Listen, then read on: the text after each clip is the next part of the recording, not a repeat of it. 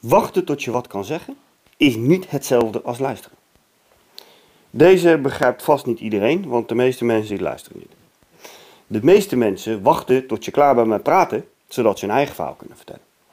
De meeste mensen wachten tot jij bent uitgesproken, zodat ze zelf kunnen gaan beginnen over dat ene, ene hele kleine mini-puntje, dat kleine detail wat ze denken te hebben gehoord in jouw verhaal en wat zij vinden dat hun heeft getriggerd. Ze reageren niet op wat je daadwerkelijk zegt en nog helemaal, helemaal niet op wat je ook echt bedoelt. Nee, puur en alleen op dat ene kleine dingetje wat ze hebben gehoord en wat zij denken dat jij daar precies mee hebt bedoeld. En verder wachten ze alleen maar tot je klaar bent met geluid maken. Zodat ze vooral zelf heel veel geluid kunnen gaan maken. Maar gelukkig ben jij niet zo.